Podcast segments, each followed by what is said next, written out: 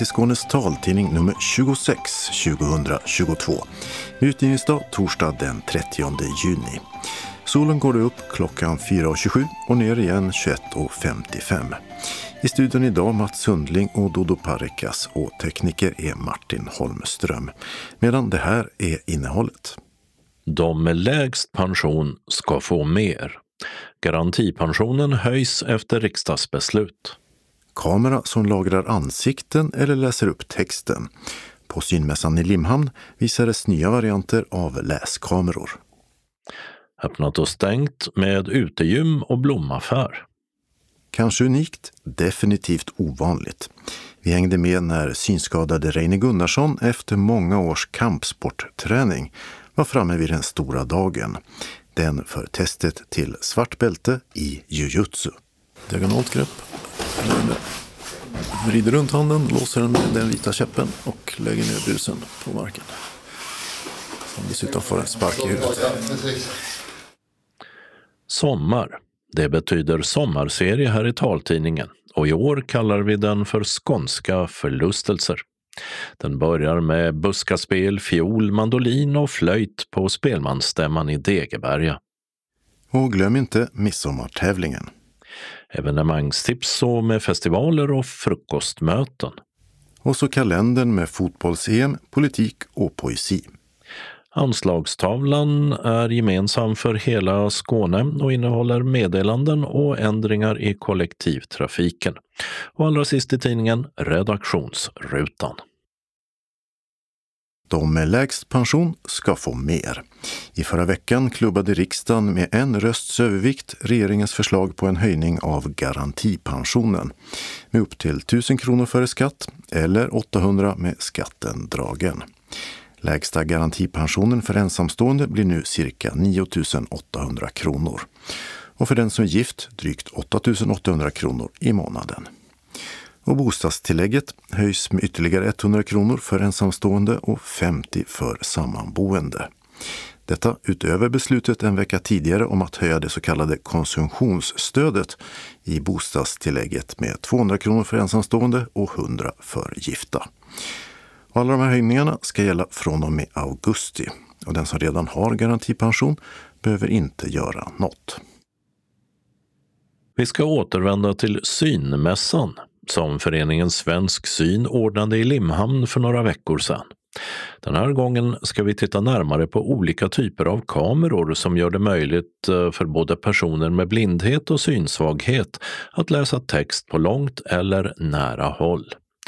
LVI, Low Vision International, visade en ny variant av större läskamera, tänkt för skolor och arbetsplatser. Petter Helge demonstrerar.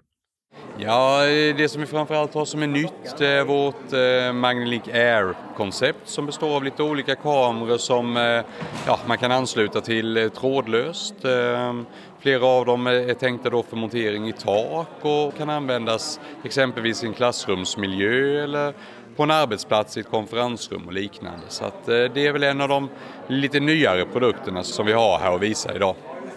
Är det det som ser ut som en övervakningskamera som sitter där borta? Ja, ja men det är det. Kamerornas utseende är ju precis som du säger, det ser ut som en, eh, en övervakningskamera. Det är samma typ av kameror som används. Sen så eh, använder vi dem då i en eh, applikation eh, där man ansluter sin, sin dator till de här kamerorna och eh, visar kamerabilden då på sin eh, dators skärm. Så att, smidigt och enkelt att, att använda på alla sätt. Kan du visa någonting hur det funkar? Absolut. Då har vi alltså en kamera som sitter i taket här. Ja, precis. Detta är då vår Mindlink Air Duo och Duo i det här fallet betyder då att det sitter två kameror i den här produkten. Och då har vi en kamera som tittar ner på arbetsytan här på skrivbordet på det pappret som vi har liggande här och den andra kameran används då på, på avstånd. Till exempel för att titta på läraren som står fram och gör en presentation vid, vid whiteboarden eller det kan vara en föreläsare som, som pratar i ett konferensrum eller liknande. Och på bordet här på skrivbordet så har vi då en, en dator som står detta, en skärm med en inbyggd eh, dator. Och eh, på den så visas då i detta fallet bilden från, från båda kamerorna samtidigt. Så att eh, samtidigt som jag läser eh, Eh, I min bok så kan jag titta på läraren till exempel som håller en presentation. Då. Här kan jag välja om jag vill visa båda kamerabilderna på en gång eller om jag kanske bara vill titta på den ena bilden och, och täcka hela skärmen då med, med den bilden istället. Men det här är ju ingenting för hemmabruk. Detta används inte i hemmet, nej det gör det inte, utan här är det mer skola och arbetsplats som är målgruppen för detta. Sen har vi flera andra produkter som är mer direkt anpassade för, för hemmiljön. Nu finns det ju förstoringsprogram till datorer. Behöver man då de här kamerorna och så? Ja, så länge vi har någon form av eh, skrivet material, så länge vi har tidningar, så länge vi har böcker, så länge vi har reklambroschyrer, så länge vi har vykort, vad det må vara, så ja, då behövs det ju. Och vi har ju fortfarande levande lärare och liknande som presenterar och, och, och, som man gärna vill kunna följa också. Så att just det här med att kunna se på avstånd och, och få det förstorat i de miljöerna det är också en, eh, en viktig bit. Och, som du säger, mycket av innehållet på datorer och annat, eh, det, det, löser man ju med förstoringsprogram. Men det finns ju väldigt, väldigt mycket annat som man vill göra. Det kan vara korsordslösning, det kan vara handarbete. Många av våra produkter används ju faktiskt inte bara för läsning, även om man känner att det är det kanske mest naturliga området så ser man ju att det finns väldigt mycket annat där man har glädje av eh, förstoring också. Eller läsa på matförpackningar, läsa på medicinförpackningar och så vidare. Det finns fortfarande mycket som man skulle vilja kunna se ju. Har ni någon nyhet för just för hemmabruk eller är det den här takkameran som är den stora? Detta är väl det som är, är det allra nyaste men eh, om vi tittar för hemmabruk så har vi produkter som utvecklas hela tiden egentligen. Även om produkterna har funnits ett tag så kommer de ju liksom med, med nya funktioner och i lite uppdaterade utföranden hela tiden. Här har vi ju en, eh, en läskamera eh, som heter Magnlink eh, Vision. Men just den här versionen då är en Magnlink Vision TTS och det är ju att det innehåller även då en text till tal funktion. Så att när man använder den som en vanlig läskamera då, då ser den ut och fungerar precis som våra vanliga läskameror, samma reglage och, och, samma funktioner. Men så finns det då ett läge där man kan växla över till en ja, inbyggd eh, Eh, läsmaskin kan man väl kalla det för. Och genom att då trycka på en knapp sen så tar produkten en, en bild av eh, texten som ligger under, omvandlar den till tal och läser upp den eh, för dig kan vara ganska bekvämt då om man jobbar med den vanliga förstoringsdelen, när man kanske orienterar sig i tidningen eller man tittar på bilder eller letar fram något. Men när man kommer till ett lite längre textstycke som man kanske tycker blir lite jobbigt att läsa med förstoring, ja men då kan man då ta den här bilden och, och, och få den texten uppläst för sig istället. Klarar den handstil också så man kan kolla att man har skrivit rätt i ett brev man skriver? Nej, det gör den faktiskt inte utan det behöver vara en tryckt eh, text. Så att, eh, och det är väl där den här fina kombinationen just med läskamera och läsmaskin eh, är väldigt bra. Att man kan använda läskameran just för det här med att har du handskrivet som du behöver läsa, har du bilder du behöver titta på eller du behöver kanske handarbeta eller något under kameran, ja men då fungerar det alldeles utmärkt. Och sen när du vill ha det uppläst, ja då bara växlar du över till den funktionen och får det uppläst. Petter Helge visade LVIs läskameror för såväl skol som hemmabruk. Olika typer av kameror fanns också hos ICAP. Orcam, kameran som man sätter på glasögonen, har fått ett lillasyskon, berättar Ove Brandberg. Under pandemin här så kom ett lillasyskon som är en penna. Så det är på samma sätt att eh, tar ett kort och så läser det upp text. Men formen på den här är som en penna istället. Så att eh, den fäster man alltså inte på glasögonen som de andra gjorde. Och eh, den läser upp text ifrån allt eh, som är på skyltar eller böcker eller tidningar och så vidare. Så allt är tryckt text läser den upp. Nu håller jag en i min hand där och den är i form av en... Eh, längden på den är, är som en penna. Och på pennan här så finns det fyra knappar. En där man tar själva kortet och en där man sänker och höjer volymen och en där man startar själva pennan. Eh, när man håller pennan så riktar man den mot texten. Och är man blind så kan man faktiskt sätta den i ett stativ. och så för man pappret in under stativet så att då blir det som en skanner helt enkelt på det sättet. Men om man som jag i detta fallet nu håller den bara i handen så trycker jag på en knapp och då får jag en pil som talar om var jag vill eh, börja läsa någonstans. Och då läste den upp den texten nu som jag riktade mot då helt enkelt. Mm. Så att eh, det här kan jag göra på text som jag håller i en hand men jag kan även läsa på skyltar som är många meter ifrån mig. Hur mycket kan den lagra då? Hur lång text? Den lagrar ingen text alls utan man bara läser upp det som finns för tillfället så att säga. Och det är gjort med flit för att den här skulle den lagra text då skulle den inte klara krav i skolan till exempel mot fusk och så. Så att det är därför av det orsaken så att man inte kan lagra text.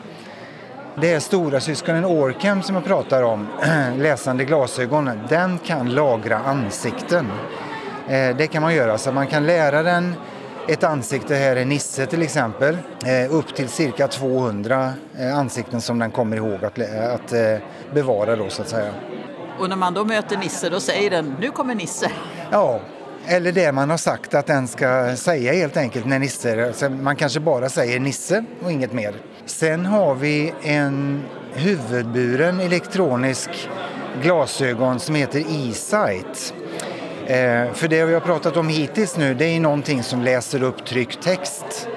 Men de här E-Sight det är alltså huvudburen elektronisk utrustning som, som gör att man kan se med hjälp av glasögonen förstorat, ungefär som en förstoringskamera eller läskamera som har funnits i många år på marknaden. Och detta är samma sak fast man bär dem på huvudet. Eh, och de heter alltså E-Sight. Och det är också en, en, eh, en nyhet kan man säga som har kommit under tiden pandemin har varit här. Det sa Ove Brandberg från ICAP. Vi hörde också Petter Helge från LVI. Reporter var Birgitta Fredén. Öppnat och stängt. Norra Rörum har fått ett utegym. Det ligger vid lekparken på Salandersväg, har sex rejäla maskiner, ett underlag av konstgräs och belysning för mörka kvällar. Inne i Hör finns en tidigare ett utegym vid Jeppavallen. Gratis också det att använda. I Lund har gymnastikhallen Gördishallen öppnat bredvid den nybyggda Robelundsskolan på adressen Kanaltorget 1. Gördis, hon heter Hallqvist i efternamn och kommer från just Lund och vann OS-guld för 70 år sedan. I Lund har ostbutiken Delikatesshimlen öppnat på Lilla Fiskaregatan 23 i klädbutiken Godivas gamla lokal. Och inte vilka ostar som helst är till salu. Specialiteten är i högsta grad parmesanost. I Trelleborg har blomsteraffären Eriks lilla värld stängt. Men den 10 juli öppnar de tillfälligt för utförsäljning av krukor med mera. Butiken ligger på Korfitsbäck, Frisgatan 9. Och i Trelleborg har Hedonistens fudgekokeri och butik bytt lokaler och fått fler kvadratmeter på den nya adressen Ripatorget 1. I Helsingborg har klädbutiken Urban Modern öppnat på Kullagatan 17. Dam och herrkläder i urban stil utlovas, som namnet antyder. Och det är den tredje butiken i den lilla kedjan. Sen tidigare finns de på Väla och i Halmstad. I Malmö har bröllopsbutiken Södra Högtidskläder stängt för gott. Adressen var Gustav Adolfs torg 51. Och ett stenkast bort i samma Malmö har restaurangen Carl Mikael öppnat på Engelbrektsgatan 13. I lokalen där Munchies Burgers låg till vintras och innan dess finkrogen Bord 13. Nu ska det serveras närodlad och säsongsbetonad mat fredag och lördagkvällar. Men de tar inte emot vare sig kontanter eller barn som gäster. I Malmö har också kulturcaféet Beans and Tales öppnat. Detta på Jäknegatan 15 och i lokalen där Lilla Bengts konditori låg tidigare. I Yngsjö har Otto och glassfabriken öppnat Ottos trädgård. Där det serveras glass och kaffe och bakas glasstrutar. Och bägge är av egen tillverkning. I lokalerna huserade en gång i tiden Yngsjö bageri. I Kristianstad har den danska kedjan Flying Tiger stängt sin butik vid Lilla Torg. Och i Kåseberga hamn har en ny hamnkiosk öppnat. I byggnaden finns även omklädningsrum för badande. Nu ska vi få hänga med på en stor och möjligen historisk dag. Reine Gunnarsson har tränat kampsport av och till i många år.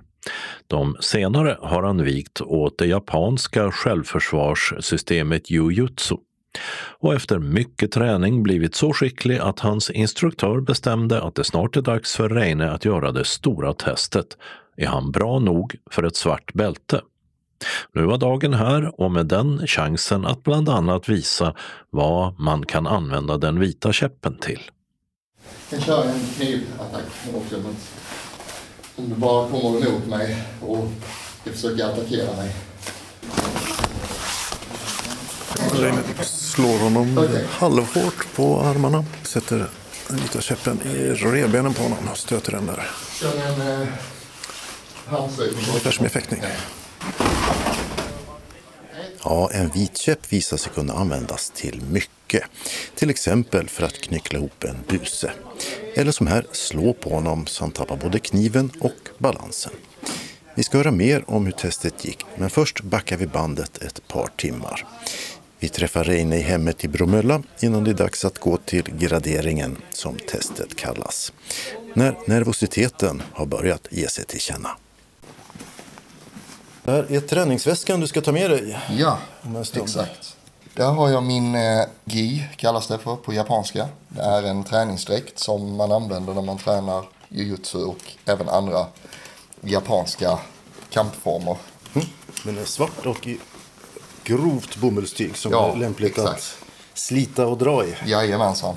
Och sen har jag också lite benskydd och så har jag mitt bälte som håller ihop jackan. Det är brunt och Det är slitet brunt- kan jag säga. Ja, det är ganska slitet. Det har jag hängt med ett bra tag. Och det ska bytas ut då förhoppningsvis. Ja, vi idag. hoppas ju det. vi får se. För vad är det som väntar här nu? Det är en, jag ska göra en gradering eh, som det kallas för. Det betyder att jag ska göra en examination helt enkelt till det svarta bältet. Till första dan heter det.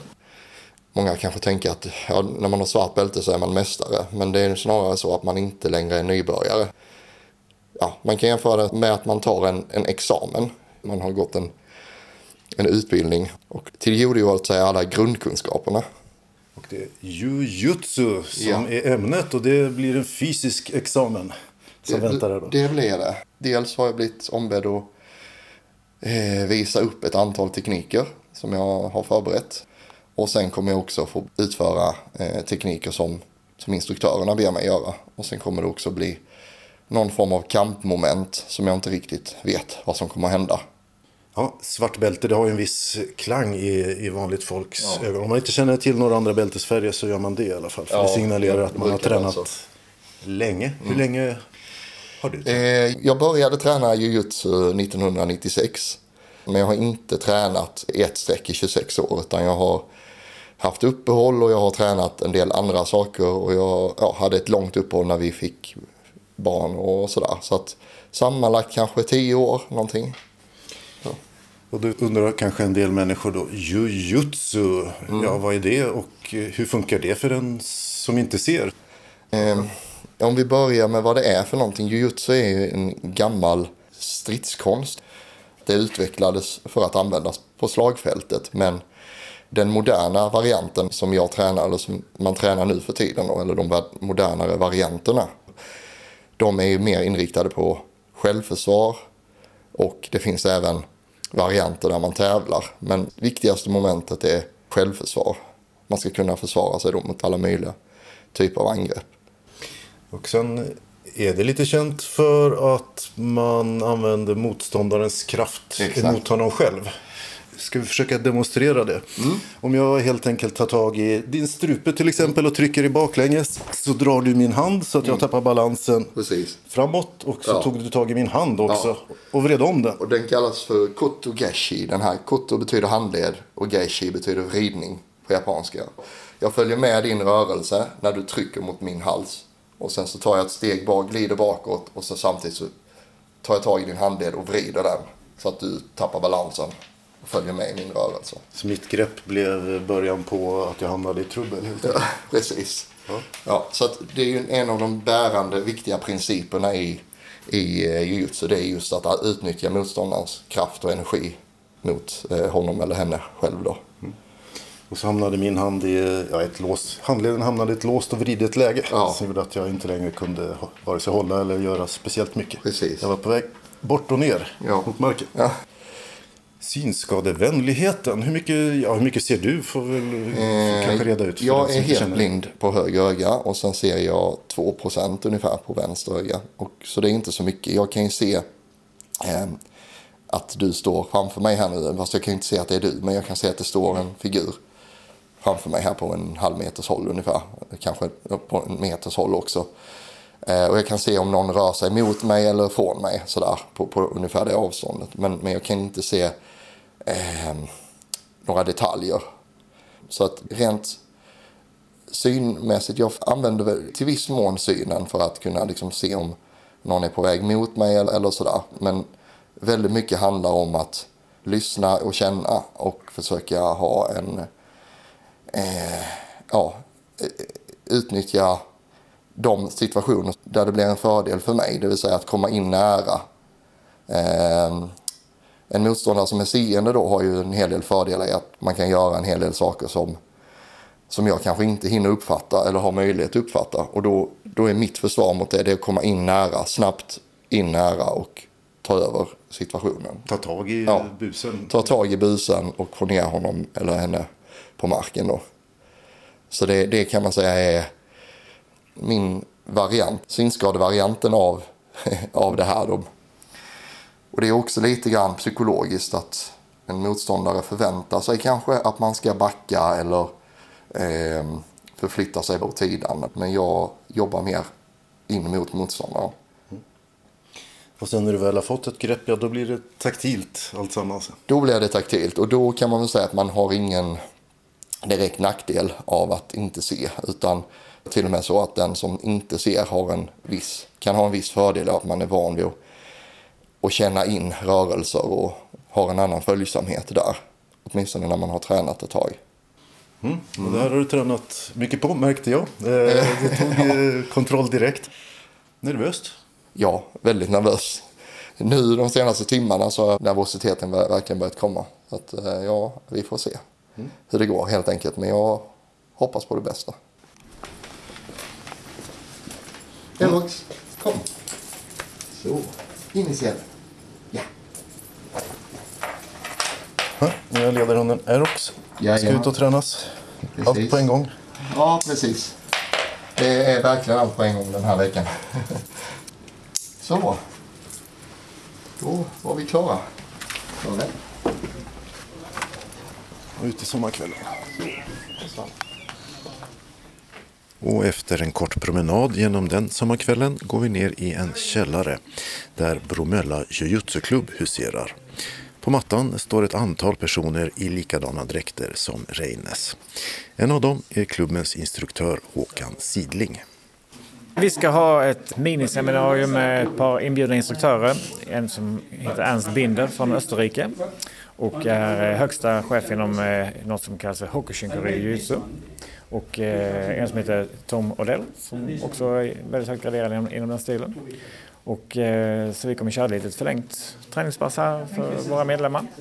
Och i samband med det så ska vi även gradera Reina då till svart bälte är det tänkt. Och eh, Reina har tränat i många år och eh, väldigt duktig utövare. Och eh, det ska bli spännande. Det är inte så ofta man har svartbältsgraderingar så det är en kul grej även för oss som instruerar.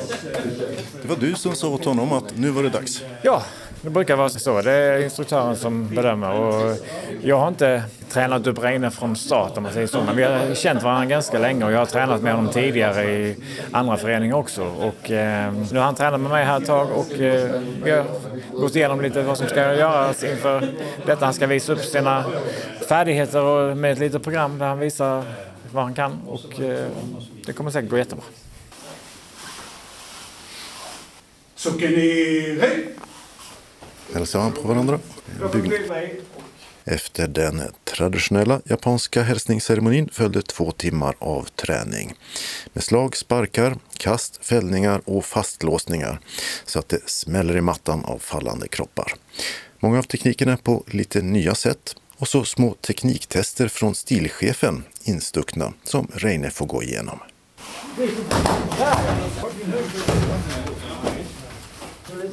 Slowly, yes. Step forward.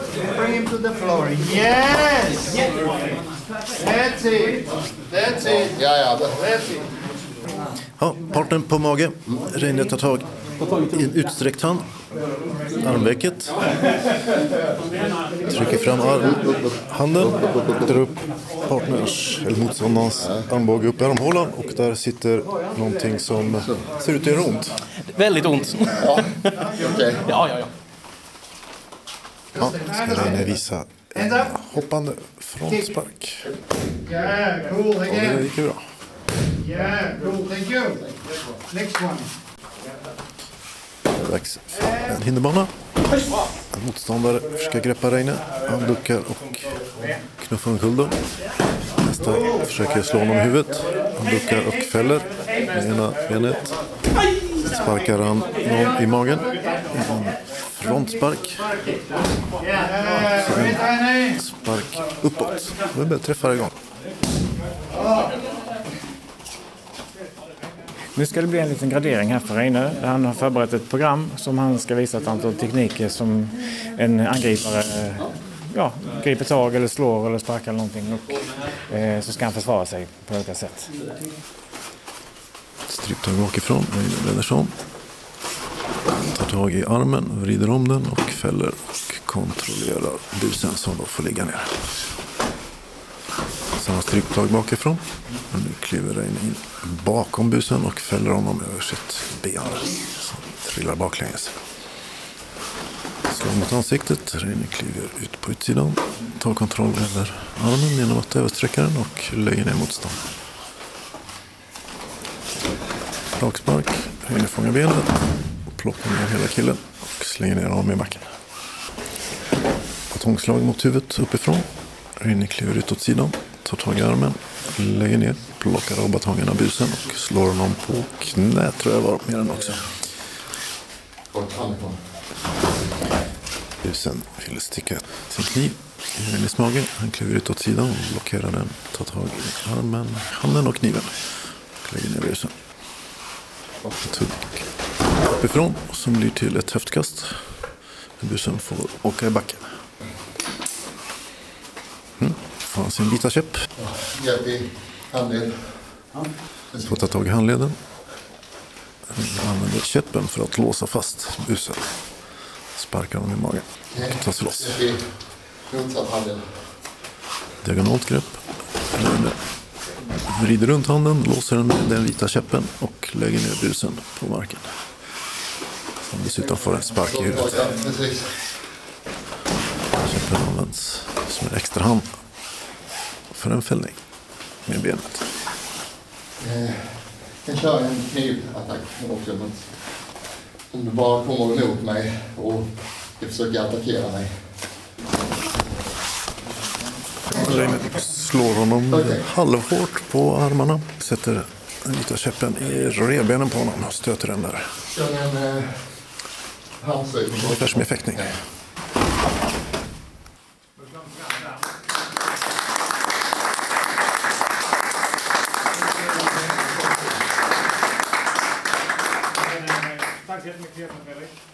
Reine.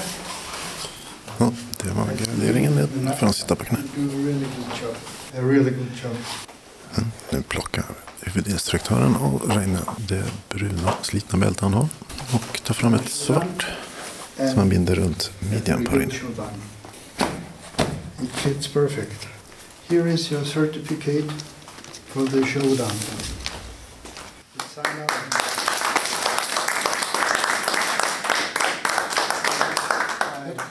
Så blir det två diplom. Ett för ett svart bälte i jujutsu, ett som det står sensei på. Lärare på japanska. Gratulationer till en svettig Reine från klubbkamraten. Jättefint. Tack så mycket. Bra jobbat. Tack, tack. Du är ett bra svartbälte. Tack så mycket. Absolut. Vara så synskadad som du har presterat som du gör, det är imponerande. Tack så mycket. Jaha, Reine Gunnarsson. Efter att ha visat dina konster så står du här nu till sist med ett svart bälte runt midjan. Ja, hur känns det just nu? Ja, det är, det är lite svårt att beskriva. Det känns fantastiskt. Det känns som både ett mål som jag har haft jättelänge men också en början på en väg framåt. Nu, nu är man redo för de, den lite mer avancerade jujutsun. Ehm, att Det känns som att jag förhoppningsvis behärskar grunderna nu i alla fall. Så eh, ja, det, nej, det är fantastiskt, fantastiskt kul. Reine står på det i röd brodyr på det svarta bältet. Och så är det lite japanska tecken som då skulle betyda jujutsu då kanske. Mm, precis. Ja, det är inte slutpunkten då med andra ord. Nej, det här är bara början. jag ser det här som ett livslångt projekt. Så det är, ja, nej, jag tycker det är fantastiskt kul att träna. Jag kommer aldrig sluta träna. Det känns nu i alla fall. Nej, det är jätte, jättekul. Väldigt, väldigt stor dag. Hur vanligt är det där? Jag försökte titta och vi talade om det innan där. Hur vanligt är det med att synskadade, om vi tar i Sverige, tar svart bälte i jujutsu? Jag hittade ingen som hade gjort det. Nej, Jag vet faktiskt inte. Jag, jag vågar inte säga det. Jag känner inte till någon, åtminstone inte här i södra Sverige heller.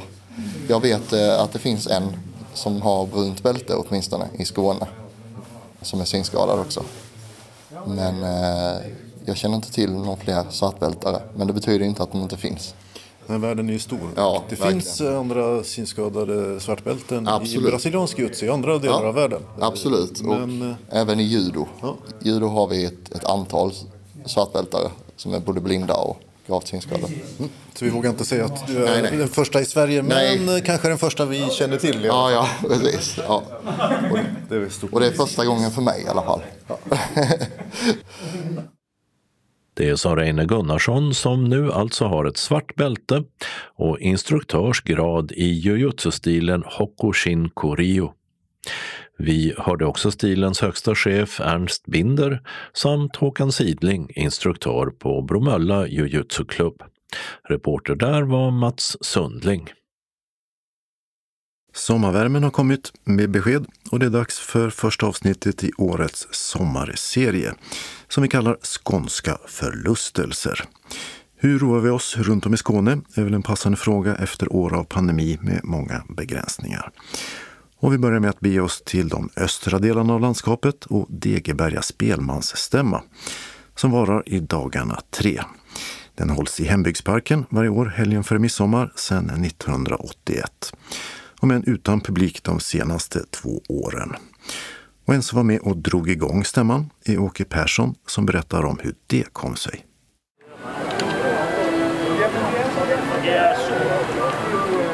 Jag hade precis börjat spela då och var väldigt entusiastisk för och varit på andra spelmansstämmor som varit väldigt roliga.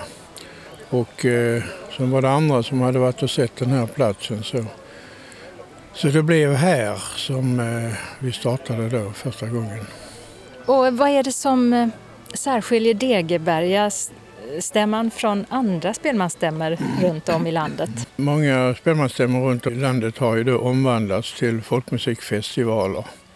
Och eh, skillnaden på en festival och en stämma är ju att på en festival så riktar man sig till att det ska vara en lyssnande publik eller dansande publik. Här eh, har vi inriktningen att det ska vara en mötesplats för spelmännen i första hand. Men man kan komma hit och lära sig dansa till exempel och även spela vissa instrument. Ja, det kan man göra. Just nu så pågår eh, utlärning av låtar och det finns också prova på-kurser där man får testa på ett instrument. Och I år så är det nyckelharpa och eh, durspel som man då under en timmes tid får eh, under en lärares ledning får testa på. Då, va? då ska man vara helt nybörjare. Det är avsett för dem. Vad tycker du själv är roligt med att gå på en spelmansstämma? Ja, det är fantastiskt. Det är ju, man träffar ju så mycket folk och möter nya kontakter. Och, och det är ju en fest och det är ju eh, campingliv och det, framförallt det sociala är, är väldigt mycket viktigt. Och eh, vad är det för instrument som du spelar? Jag spelar fiol bara. Jag eh, började spela när jag var 32 så att eh, ja, då passade detta instrumentet mig väldigt bra. På sådana här spelmansstämmor när man liksom dansar och umgås och så där, är det många som liksom träffar sin käresta här eller så? Absolut, det finns flera exempel på det. 1988 så var det till och med ett par som gifte sig här på stämman. Sen i bakgrunden så hör vi lite fioler bort ifrån ett tält och där är det en spelman som heter Ored Andersson, hans låtar som han spelar. Ja, det är en spelman som heter Peter Pedersson som lär ut eh, Ored Andersson-låtar. Han bodde i Linderöd och han var eh, lillebror till en annan som var väldigt driven spelman men han blev själv väldigt driven. Sen blev han blind, eller han blev syn, synsvag så han kunde inte läsa noter och sånt. Och det var han i ganska många år. Och det här var ju på 1800-talet.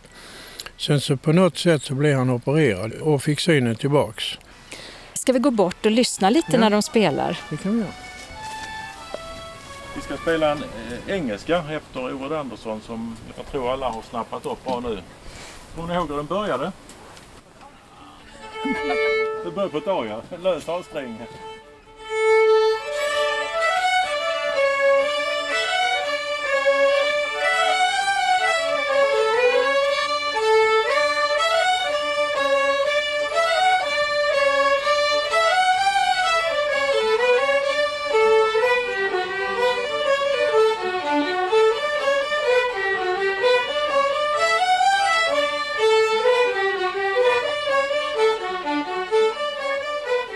En som vet en hel del om spelmannen Ored Andersson från Linderöd, det är såklart spelmannen Peter Pedersen, som är den som leder workshopen där Ored Anderssons låtar lärs ut. Han var ju en av förgrundsgestalterna inom skånsk folkmusik. Han hade en mycket rikhaltig repertoar av låtar, gamla låtar och han hade mycket låtar efter sin eh, storebror också, han var 18 år äldre, som också var en stor fin spelman enligt vad man säger så var han blind under många år. Det finns ett bra förord eh, i svenska låtar om honom. Att han var, man kanske ska säga synskadad eh, under 18 år och sen blev han starropererad och sen kunde han läsa noter igen och det tycker jag är väldigt fascinerande att det funkade så bra. Och eh, vad är det som gör Ored Andersson som en speciell spelman? Han var ju född redan 1820 och hans hans äldre bror spelade så han har ju en, en eh, repertoar som går långt tillbaka eh, ja, i 1700-talet eh, en del just. Det är väl just att det är en gammal repertoar. En rolig sak med Ored Andersson det är ju att eh, hans eh, träskofiol finns ju utställd på Kulturen i Lund. Den har jag tittat på några gånger och det, det är rätt fascinerande. Jag spelar själv träskofiol så att det kliar lite i fingrarna att man skulle vilja prova hans träsko. Men att vara här i tre dagar, hur är det? Jag har ju varit med i den här branschen sedan jag var ja, i tioårsåldern så att jag känner ju många och jag kan många låtar så man, man hittar alltid någon att spela med. Och det är trevligt både musikaliskt och socialt. Man eh, spelar med folk som man råkar träffa på va? Och, och det man kallar för buskspel. Va? Att, att man kanske, till exempel nu, nu är det väldigt soligt och kanske man ställer sig under det trädet och spelar ihop med någon. Och, och sen är det några som ansluter och så, så det är väldigt fritt. Det är musik som man bara spelar eh, och hänger på. Man måste inte liksom ställa fram notställ och ha notsamlingen med utan de finns i huvudet. När man åker hem så snurrar alla melodierna i huvudet. Men en skön känsla.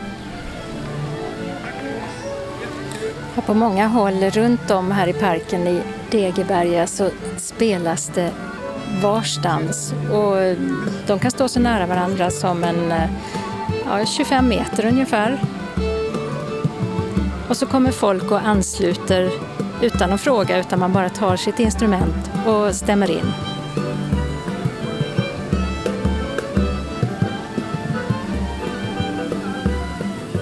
Sara heter jag, Värnöd.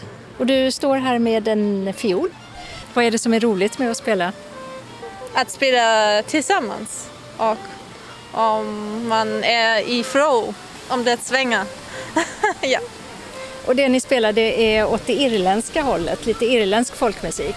Ja, precis. Eh, jag spelar mest irländsk och lite svensk. Eller nordisk folk också. Hur ska det vara för att du ska gilla det? och få flow? Det är svårt att beskriva. Man måste vara där och känna det, tror jag. Så var är du på väg nu? Ska du leta upp ett annat gäng? Ja, jag vill höra vad de där inne spelar. Och ansluta dig till något du tycker verkar bra, eller? Ja, kanske.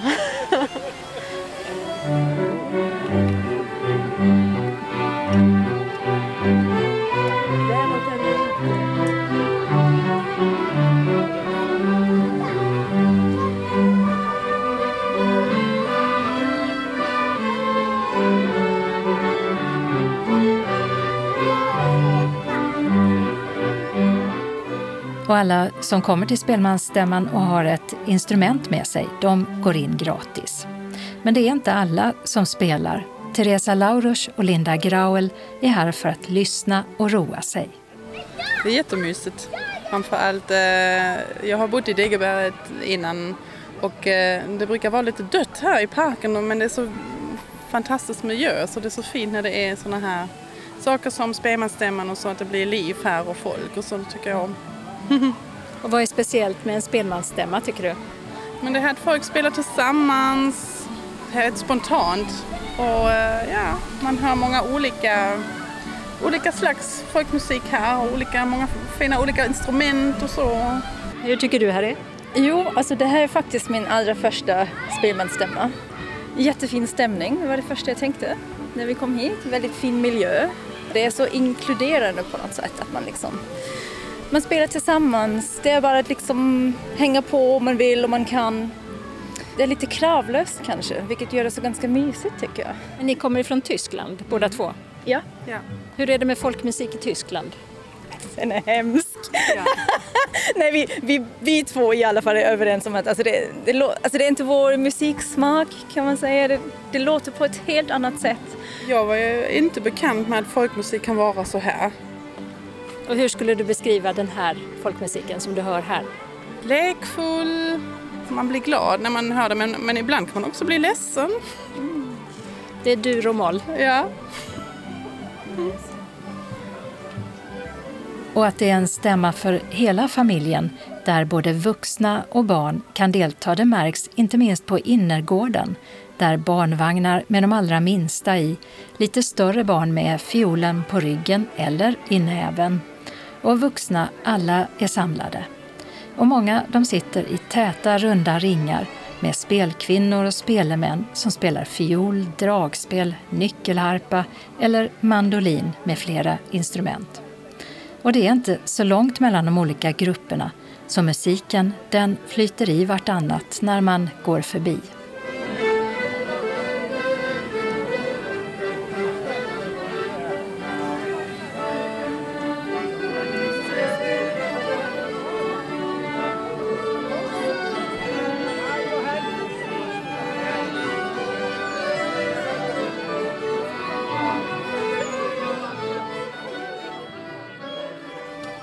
En som för det mesta dansar folkdans och gjort så i nästan hela sitt liv, det är Kristin Lindgren. Men denna gång så har hon också varit med i en prova på-kurs i nyckelharpa som hållits i ett tält och precis avslutats när jag möter henne. Det var intressant, det var roligt för att eh, mina barn har spelat fiol och jag har provat lite och spelat piano när jag var yngre. Så det var en kombination så det passade lite faktiskt. Blev det någon låt? Ja, Blinka lilla stjärna och Gubben Noak. Var det svårt? Ja, får man bara rätt på fingrarna så är det nog inte så svårt. Det är det man ska hålla reda på när man ska flytta dem. Men jag skulle nog vilja prova mer än den, den lilla stunden här. Och Kristin Lindgrens lärare, det var Jenny Lövström som visar upp ett vackert, ganska stort instrument med många strängar och något som kallas för knavar eller nycklar. Det var ju mest uppe i Uppland som de spelar nyckelharpa. Men eh, vi är många här nere också nu som spelar. Så det är en skånsk nyckelharpa? Den här är ju byggd av en skåning så då får vi kalla den skånsk. Man får bygga sitt eget instrument. Man kan ju inte gå in i musikaffär och köpa en nyckelharpa. Det finns inte. Men det ser ju väldigt avancerat ut när man ser på det. Det är många såna här strängar och knappar knappar i trä och så. Ja, det är det. Det är många strängar. Man har fyra stycken tjocka strängar Tre av dem är spelsträngar som man spelar på. Så egentligen är det inte så svårt. Men varför är det så många om man då bara använder tre? När man har 12 stycken extra strängar, resonanssträngar, som förstärker ljudet av de andra tre. Så om man spelar till exempel på ett C och håller för den så är det andra strängar som fortsätter att ljuda vidare. Så att den förstärker ljudet på de stora strängarna. Det är därför det blir så fylligt ljud i nyckelharpa. Och knapparna, vad är de till för? Knavrar, eller nycklar som man kan kalla dem, nyckelharpar. Ja, de eh, trycker på strängarna. Som om du spelar gitarr eller fiol så trycker du med fingrarna för att få olika toner. Men här har man då nycklar istället som trycker på strängen. Och de här prova på-kurserna när folk aldrig har hållit i nyckelharpa förut, hur får du dem att spela något? Gör det så enkelt som möjligt. Jag väljer en låt som man kan. Gubben Noa kan alla. Blinka lilla stjärna kan alla. Så man har det i huvudet när man ska spela. Och sen så har jag bara numrerat fingrarna. Och de har liksom typ sin givna plats på nycklarna. Så vi lär oss bara var de ska vara. Och sen så säger jag siffrorna och så spelar man efter siffrorna. Och då brukar det funka så alla kan spela. Och då kan man en låt? Då kan man en låt. Och då blir man glad när alla kan och man hör hur det låter fint så blir alla lika glada. Folkmusik är ju så att spelar du folkmusik så spelar du ofta låtar som andra också spelar. Så när man träffas så, så kan man liksom samma låtar och spela ihop. Det är det som förenar fint i folkmusik. Det är fint för själen. Mm.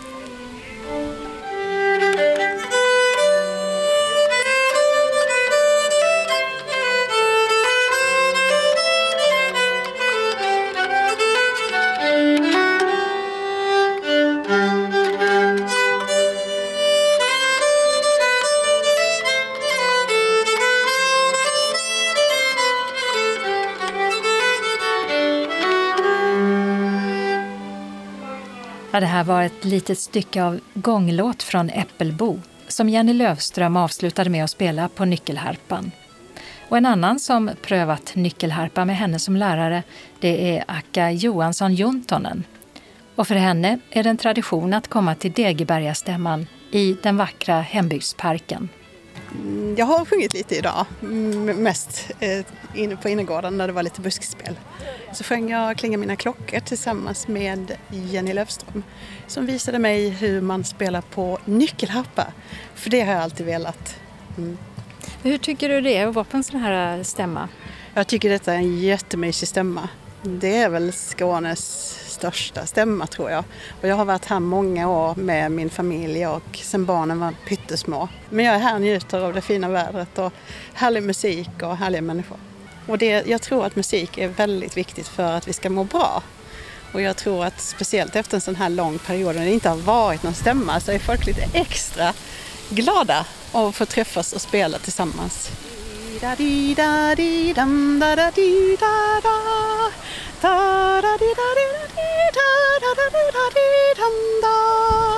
Det var lite smakprov. På Klinga mina klockor? Ja. Och någon gång mitt i natten då brukar det också bli Näckaspel. Och man kan se Näcken som sitter i den här bäcken med ett litet vattenfall och spelar på sin fiol. Numera så är det faktiskt både en manlig näck och en kvinnlig näck som är här. Och under många år så var det Åke Persson själv som var näcken. Redan första året så hade vi det. Det har vi haft vartenda år. Hur vädret än har varit så har vi inte behövt ställa in det inslaget i alla fall. Och vad gör man då? Ja, då är det ju eh, mitt i natten när det är som mörkast så eh, kommer det en näck, eller i detta fallet två näckar som eh, sitter där. Det är en gammal kvarn så där är liksom en cementavsats där som det rinner vatten över, ett litet vattenfall.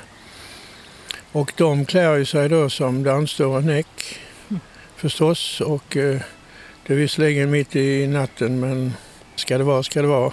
Lite mod krävs då? Ja, det kanske det gör.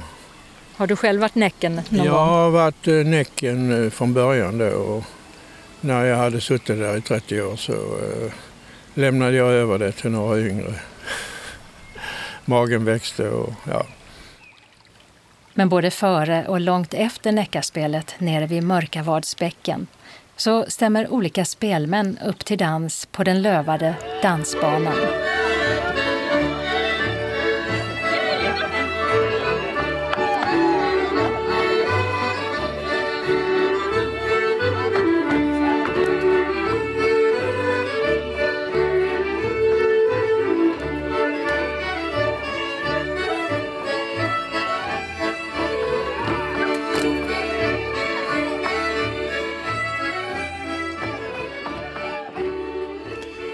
Och vill man inte vänta till sista helgen före midsommar nästa år för att besöka spelmansstämman i Degeberga, som vi precis hörde om, så kan man till exempel besöka folkmusikfestivalen Folkrot i Hjärnarp den 22 och 23 juli i år. Där det bland annat utlovas VM i träskofjol. Reportaget var gjort av Åsa Kjellman Erisi så vill vi påminna om att det fortfarande finns tid att skicka in svar på årets midsommartävling här i taltidningen. Frågorna, som har den 100-årsjubilerande underhållaren Povel Ramel som tema, finns i förra numret och svaren behöver vi få senast vid lunchtid måndag den 4 juli. Förutom den stora äran finns det fina priser att vinna som vanligt. Evenemangstips Höganäs motorfest med bilar, motorcyklar med mera äger rum fredag till söndag 1 till 3 juli i Blå hallen. 7 till 10 juli är det dags för konst och antikfest med scensamtal på samma plats. Adressen är Christer Strömholms gata 6 i Höganäs. I Helsingborg avslutas Stadsmässan H22 i Drottninghögsparken där det blir tal, musik och underhållning söndag 3 juli 16.00 med godbitar ur programmet. Frukostmötena på Hamnplan i Simrishamn drar igång igen efter två somrar av pandemistopp. Tiden är vardagsmorgnar 8.30 hela juli. Till filen, jordgubbarna, kaffet och kexen serveras spännande tankar med start nu på måndag den 4 juli då kognitionsvetaren Peter Gärdenfors ställer frågan Vem bestämmer vad orden betyder? 5 juli talar Malmös polismästare Petra Stenkula om arbetet mot organiserad brottslighet. 6 juli kommer vice ordföranden för damfotbollsklubben FC Rosengård, Carolina Westberg, medan Fredrik Bergman den 7 juli ska berätta om hur sociala kooperativ hjälper människor i utsatthet att själva styra upp sin tillvaro. Ledamoten i Barnboksakademin Katarina Kvick talar fredag 8 juli och YA-krönikören Mikael Håkansson måndag den 11 juli.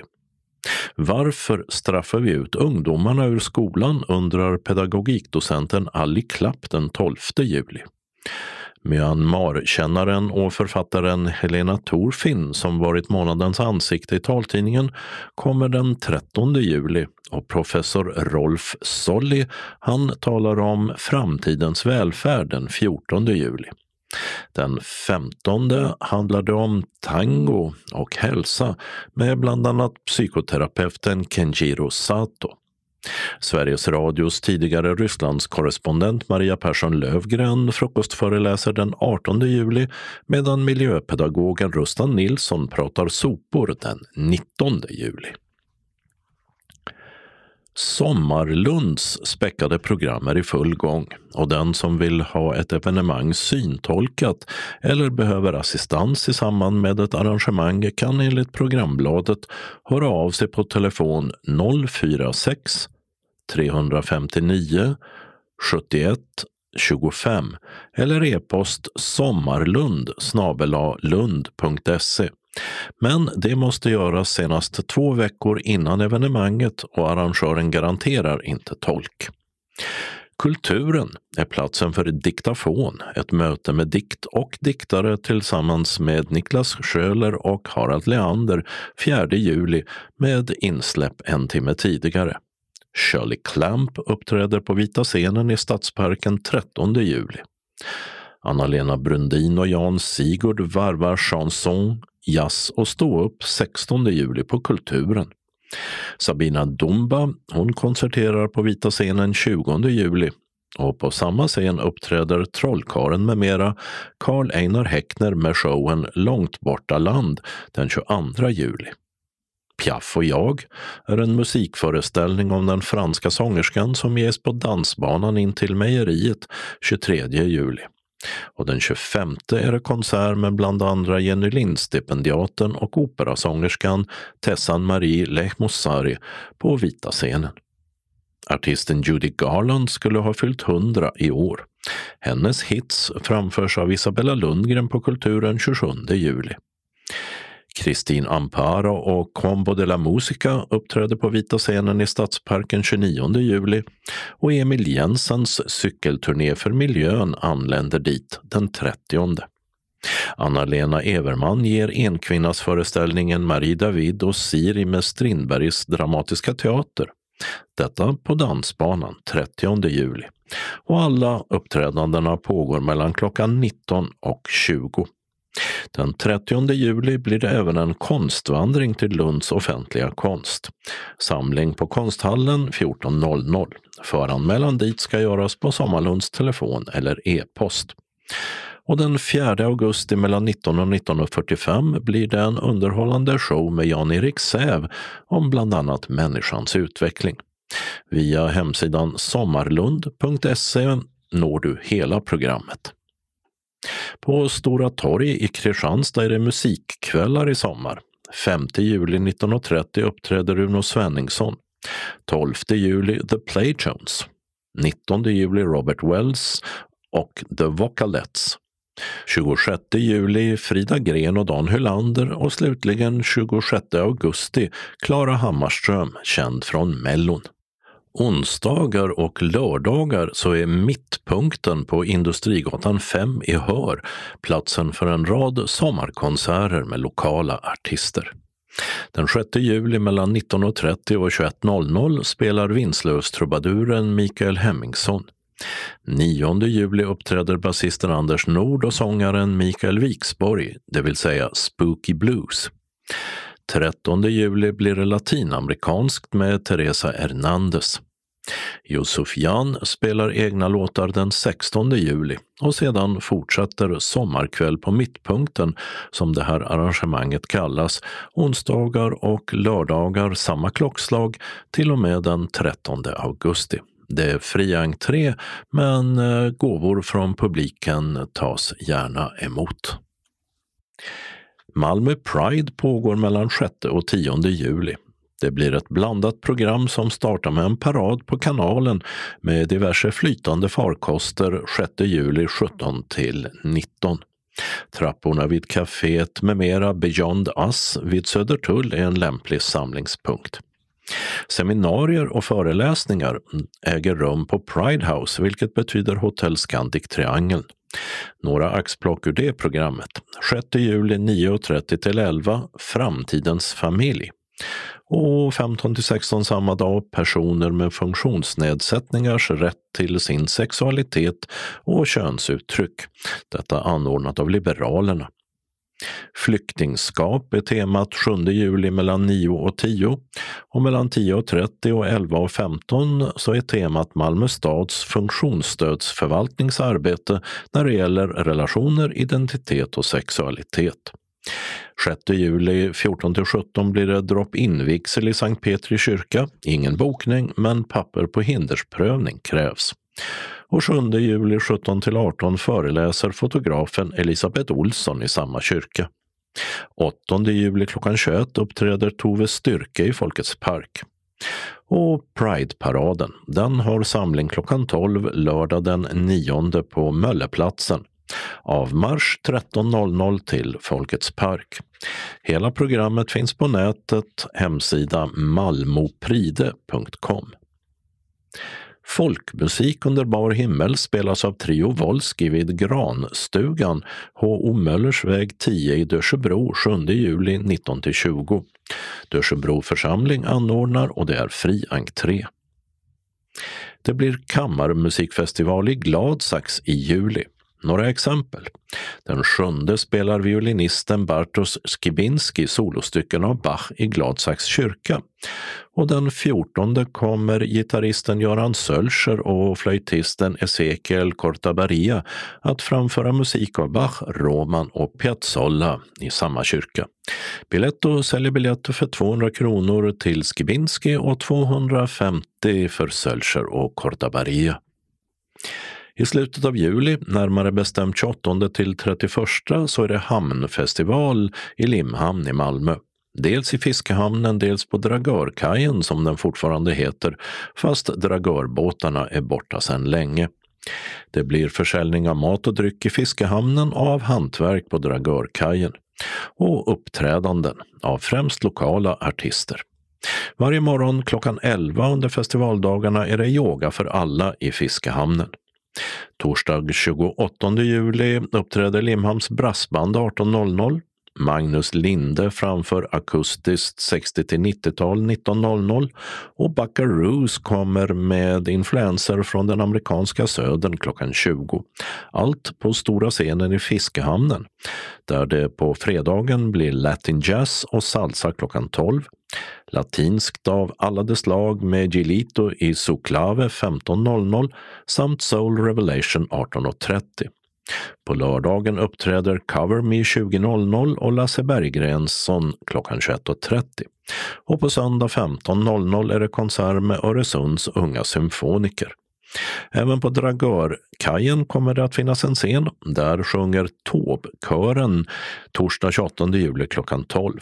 Singer-songwriter-rock bjuds det på 14.00 och ukulele-ackompanjerade låtar av Beatles, Dylan och Paul Simon framförs av Hannas orkester 21.30.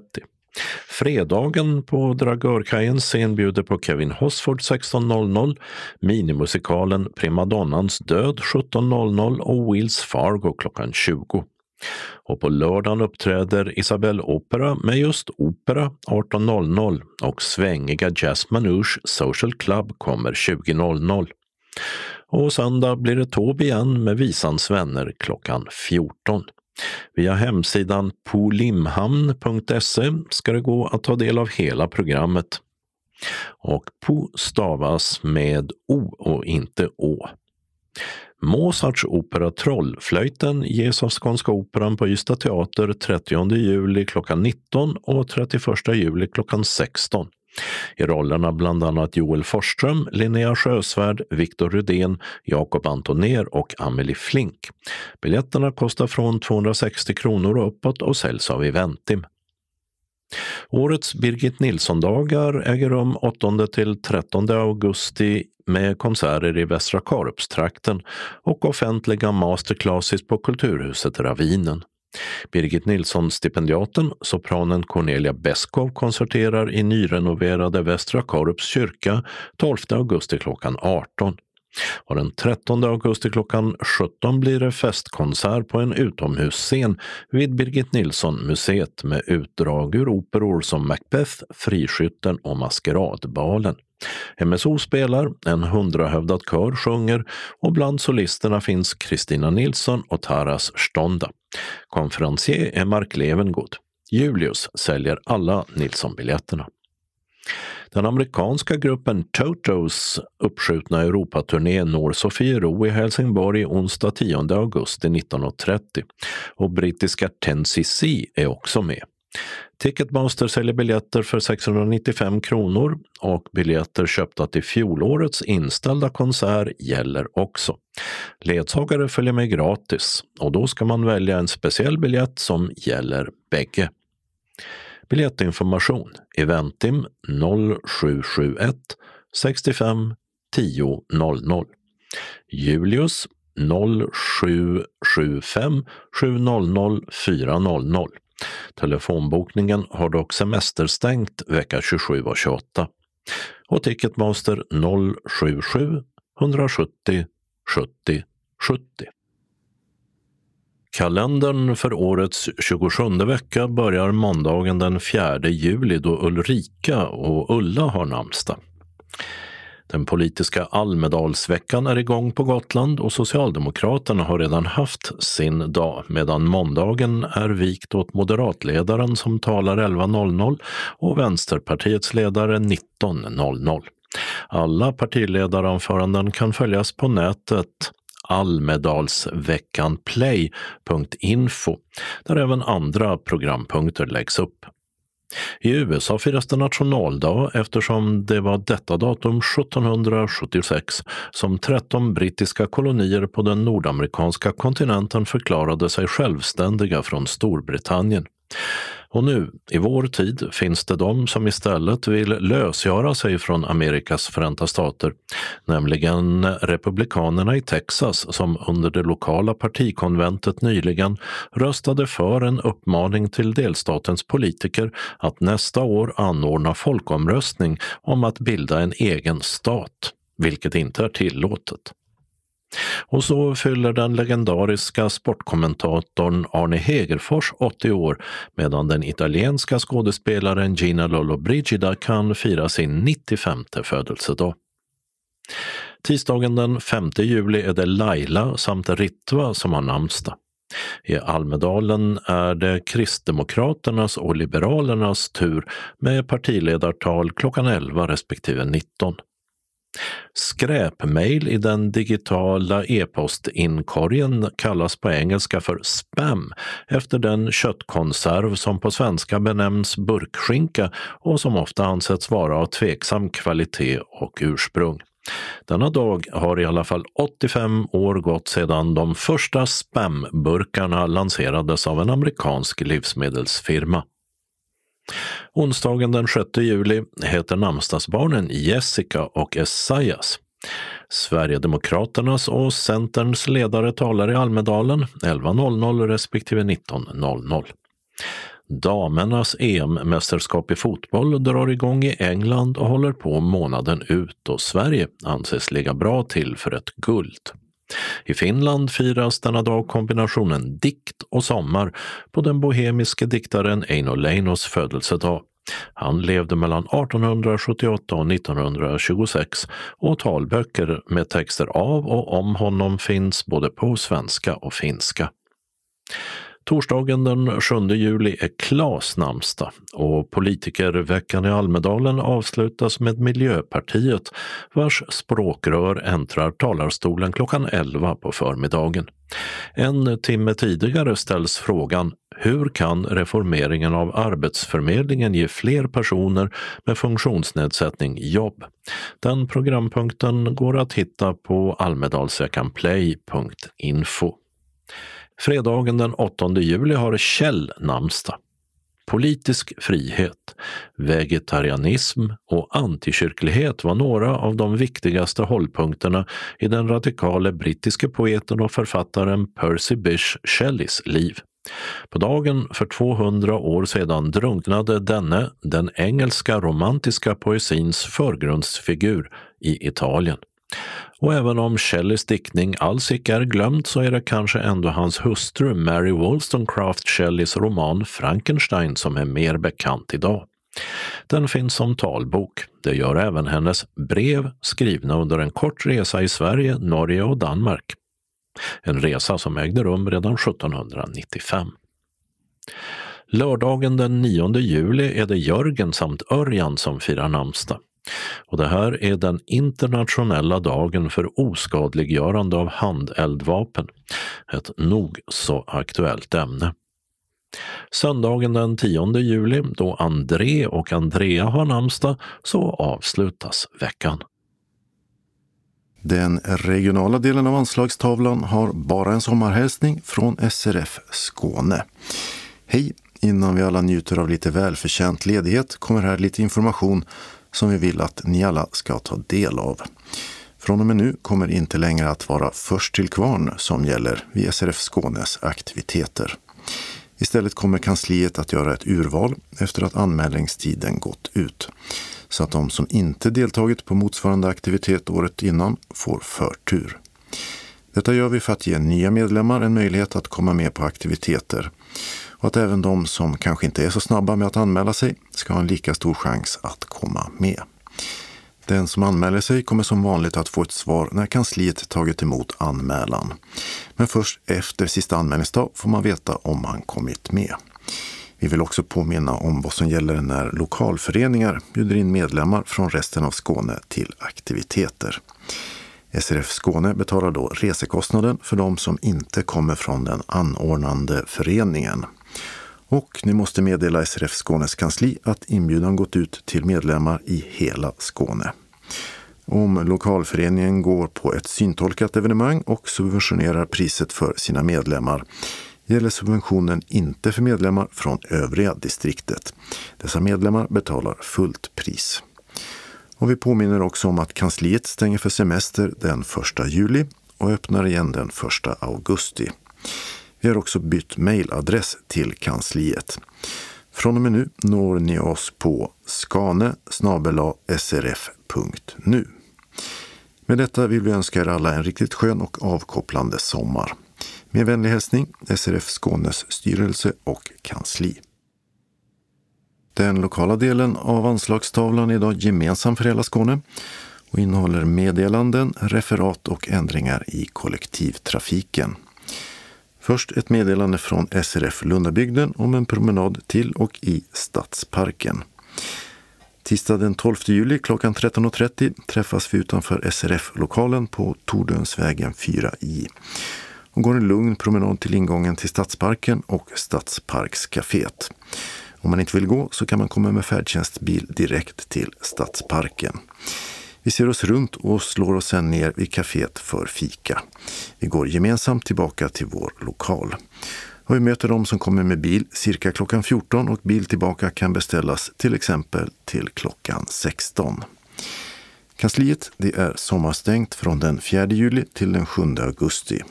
Så anmäl dig istället senast den 8 juli till Ann-Kristin på telefon 0703 14 14 56. Berätta om du vill promenera och kanske behöver någon att hålla i eller om du kommer med bil. Det är bra om du har mobilen med dig så att vi kan nå varandra. Förutom ledsagare kommer Anki, Birgitta och Ann-Kristin att leda promenaden. Med varma sommarhälsningar från oss alla. SRF Malmö Svedala meddelar att från och med måndag den 11 juli har vi semesterstängt på kansliet och vi är tillbaka igen måndag den 1 augusti. Dagverksamheten börjar måndag den 8 augusti. Annons om detta kommer i Skånes taltidning. Om du behöver komma i kontakt med föreningen under semesteruppehållet kan du ringa Maj-Britt Ryman, telefon 070-324 66 09. Styrelse och personal önskar alla en skön sommar. Så en inbjudan från SRF Sydöstra Skåne till sommarfest den 10 juli. Sommar, sol och bad. Vad passar bättre då än att ställa till med fest? Vi dukar upp en meny med delikatesser som hör sommaren till och efter maten dricker vi kaffe och njuter av en härlig jordgubbstårta. Vi serverar vatten och lättöl till maten. Vill ni ha något starkare att dricka så får ni ta med det själva. Nu behöver vi röra på oss lite så vi provar på att spela boll och minigolf. Det är naturligtvis frivilligt att vara med. Annars kan man stå och heja på. Det viktigaste är att vi får träffas allesammans igen. Allt detta i Surbrunnsparken i Ystad söndag den 10 juli mellan 12 och 16 mitt i sommaren och vi har beställt fint väder. Adressen är Surbrunnsvägen 24. Ta Surbrunnsvägen ner, första gatan till vänster in på Aulingatan och kör in i parken till kabinen. Priset är 100 kronor för synskadade och stödjande medlemmar. Du betalar en avgift på Bankgiro 5435-4303 eller via Swish på numret 123 441 5071. Anmäl dig senast söndag den 3 juli till Jonny Ekström som också svarar på frågor. Telefon 0739 093945 eller via mejl till srfskane.se eller till Vicky Svedrell 0708 37 53 58. Mail streponi strepponi snabela gmail.com. Uppge vid anmälan om du har rullstol eller rullator egen ledsagare, ledarhund eller är i behov av särskild kost. Medlemmar som har reskostnader får resa ersatta efter vi fått in kvitto eller kopia på färdtjänstfakturan senast tre månader efter aktiviteten. Välkomna till en härlig sommarfest hälsar styrelsen för sydöstra Skåne. Vi har ett referat från SRF Ängelholm Båstad vars sista våraktivitet gick av stapeln den 25 maj. Vi hoppade alla in i beställda taxibilar och åkte ut till Munka Ljungby utanför Ängelholm. Mer exakt Hiagården och Bengt-Åke Bengtssons gård. Stämningen var god, många var glada och uppslutningen stor. Bengt-Åke är en kändis i Ängelholm och det är för att han är en fantastiskt god underhållare. Även denna gång levde han upp till sitt rykte och gav oss många roliga anekdoter från sitt liv. Men också fantastisk historia om sin gård och de som levt där i flera generationer. Vi fick också höra dragspelsmusik och kända melodier som Bengt-Åke sjöng för oss. Många tog själva i och det blev fin allsång under hela eftermiddagen. Vi bjöds på grillat och godfika, allt serverat på fina gamla serviser. Flera av oss tog trappan upp till ovanvåningen som hade sex rum, helt orörda sedan 1968 då Elisabeth Nilsson dog och testamenterade hela gården till en stiftelse. Bengt guidade oss runt och i ett av rummen berättade han att där brukade man hålla husförhören. Det fanns många stolar och soffor i detta rum. Allt stod kvar precis som Elisabeth lämnat det. Hela besöket tog oss tillbaka i tiden och vi fick oss många fina återblickar om hur det var att bo och leva i Ängelholm för länge sedan. Men även hur Bengt-Åke driver gården idag med intressant museum och verksamheter under hela året. Gården lever kvar och många får glädjen att uppleva den än idag. Som när SRF Ängelholm Båstad bokade in ett besök en eftermiddag med underhållning. Tack alla medlemmar för att ni kom och gjorde denna dag till en fest. Varma hälsningar från ansvariga Marianne och Liss. Vi avslutar med några tillfälliga ändringar i kollektivtrafiken. Tågen först. Från torsdag den 30 juni klockan 23.15 till måndag den 4 juli klockan 4.15 är Öresundstågen inställda mellan Helsingborg och Laholm på grund av ett banarbete i Ängelholm. Inställda är då också pågatågen mellan Helsingborg och Förslöv-Halmstad. Bussar ersätter. Och så ett par ändringar i busstrafiken. I Malmö har en del av arbetet på rondellen mellan Viddedalsvägen och Hohögsgatan, som vi berättat om tidigare, blivit ändrat. Och det betyder att resenärer med regionbuss 170 som brukar använda hållplatsen Viddedal nu istället hänvisas till hållplatsen Granbacken på Sallerupsvägen istället. Den och de andra tidigare nämnda ändringarna ska gälla till den 15 juli klockan 15. På Krusegatan i Malmö börjar ett arbete samma 30 juni som från klockan 14 stänger regionbussarna 130 och 172 hållplats Krusegränd läge B. En tillfällig stolpe ställs ut 130 meter bakåt bussens färdriktning till den 8 juli klockan 15. I Västra hamnen i Malmö har man stängt av en bit av Östra Varvsgatan och stadsbuss 5 får ta en annan väg. Hållplatsen Ubåtshallen är stängd med hänvisning till hållplatsen Fullriggaren. Den ligger cirka 400 meter norrut på samma gata. Och hållplatsen Stapelbäddsparken läge B är stängd. Här är närmsta alternativ hållplatsen Dockan som ligger 350 meter österut på Stora Varvsgatan. Och i Helsingborg slutligen fortsätter slutdatumet att skjutas fram för de vägarbeten på Larmvägen som började i mars och som berör stadsbuss 7. Det allra senaste budet är att det ska vara klart den 8 juli klockan 16. Och med det budet var det dags att sätta punkt för veckans taltidning. Nästa nummer kommer nästa torsdag den 7 juli. Skånes taltidning ges ut av Region Skånes psykiatri och habiliteringsförvaltning. Ansvarig utgivare är Martin Holmström. Postadress Jörgen Ankersgatan 12, 211 45 Malmö. Telefon 040-673 0970. E-post Skanes taltidning snabela skane.se och hemsida skanestaltidning.se. Observera att CD-skivorna inte ska skickas tillbaka till oss. Såväl skivor som kuvert kan läggas i brännbara sopor när ni inte längre vill ha dem. Vi hörs igen. Hej då!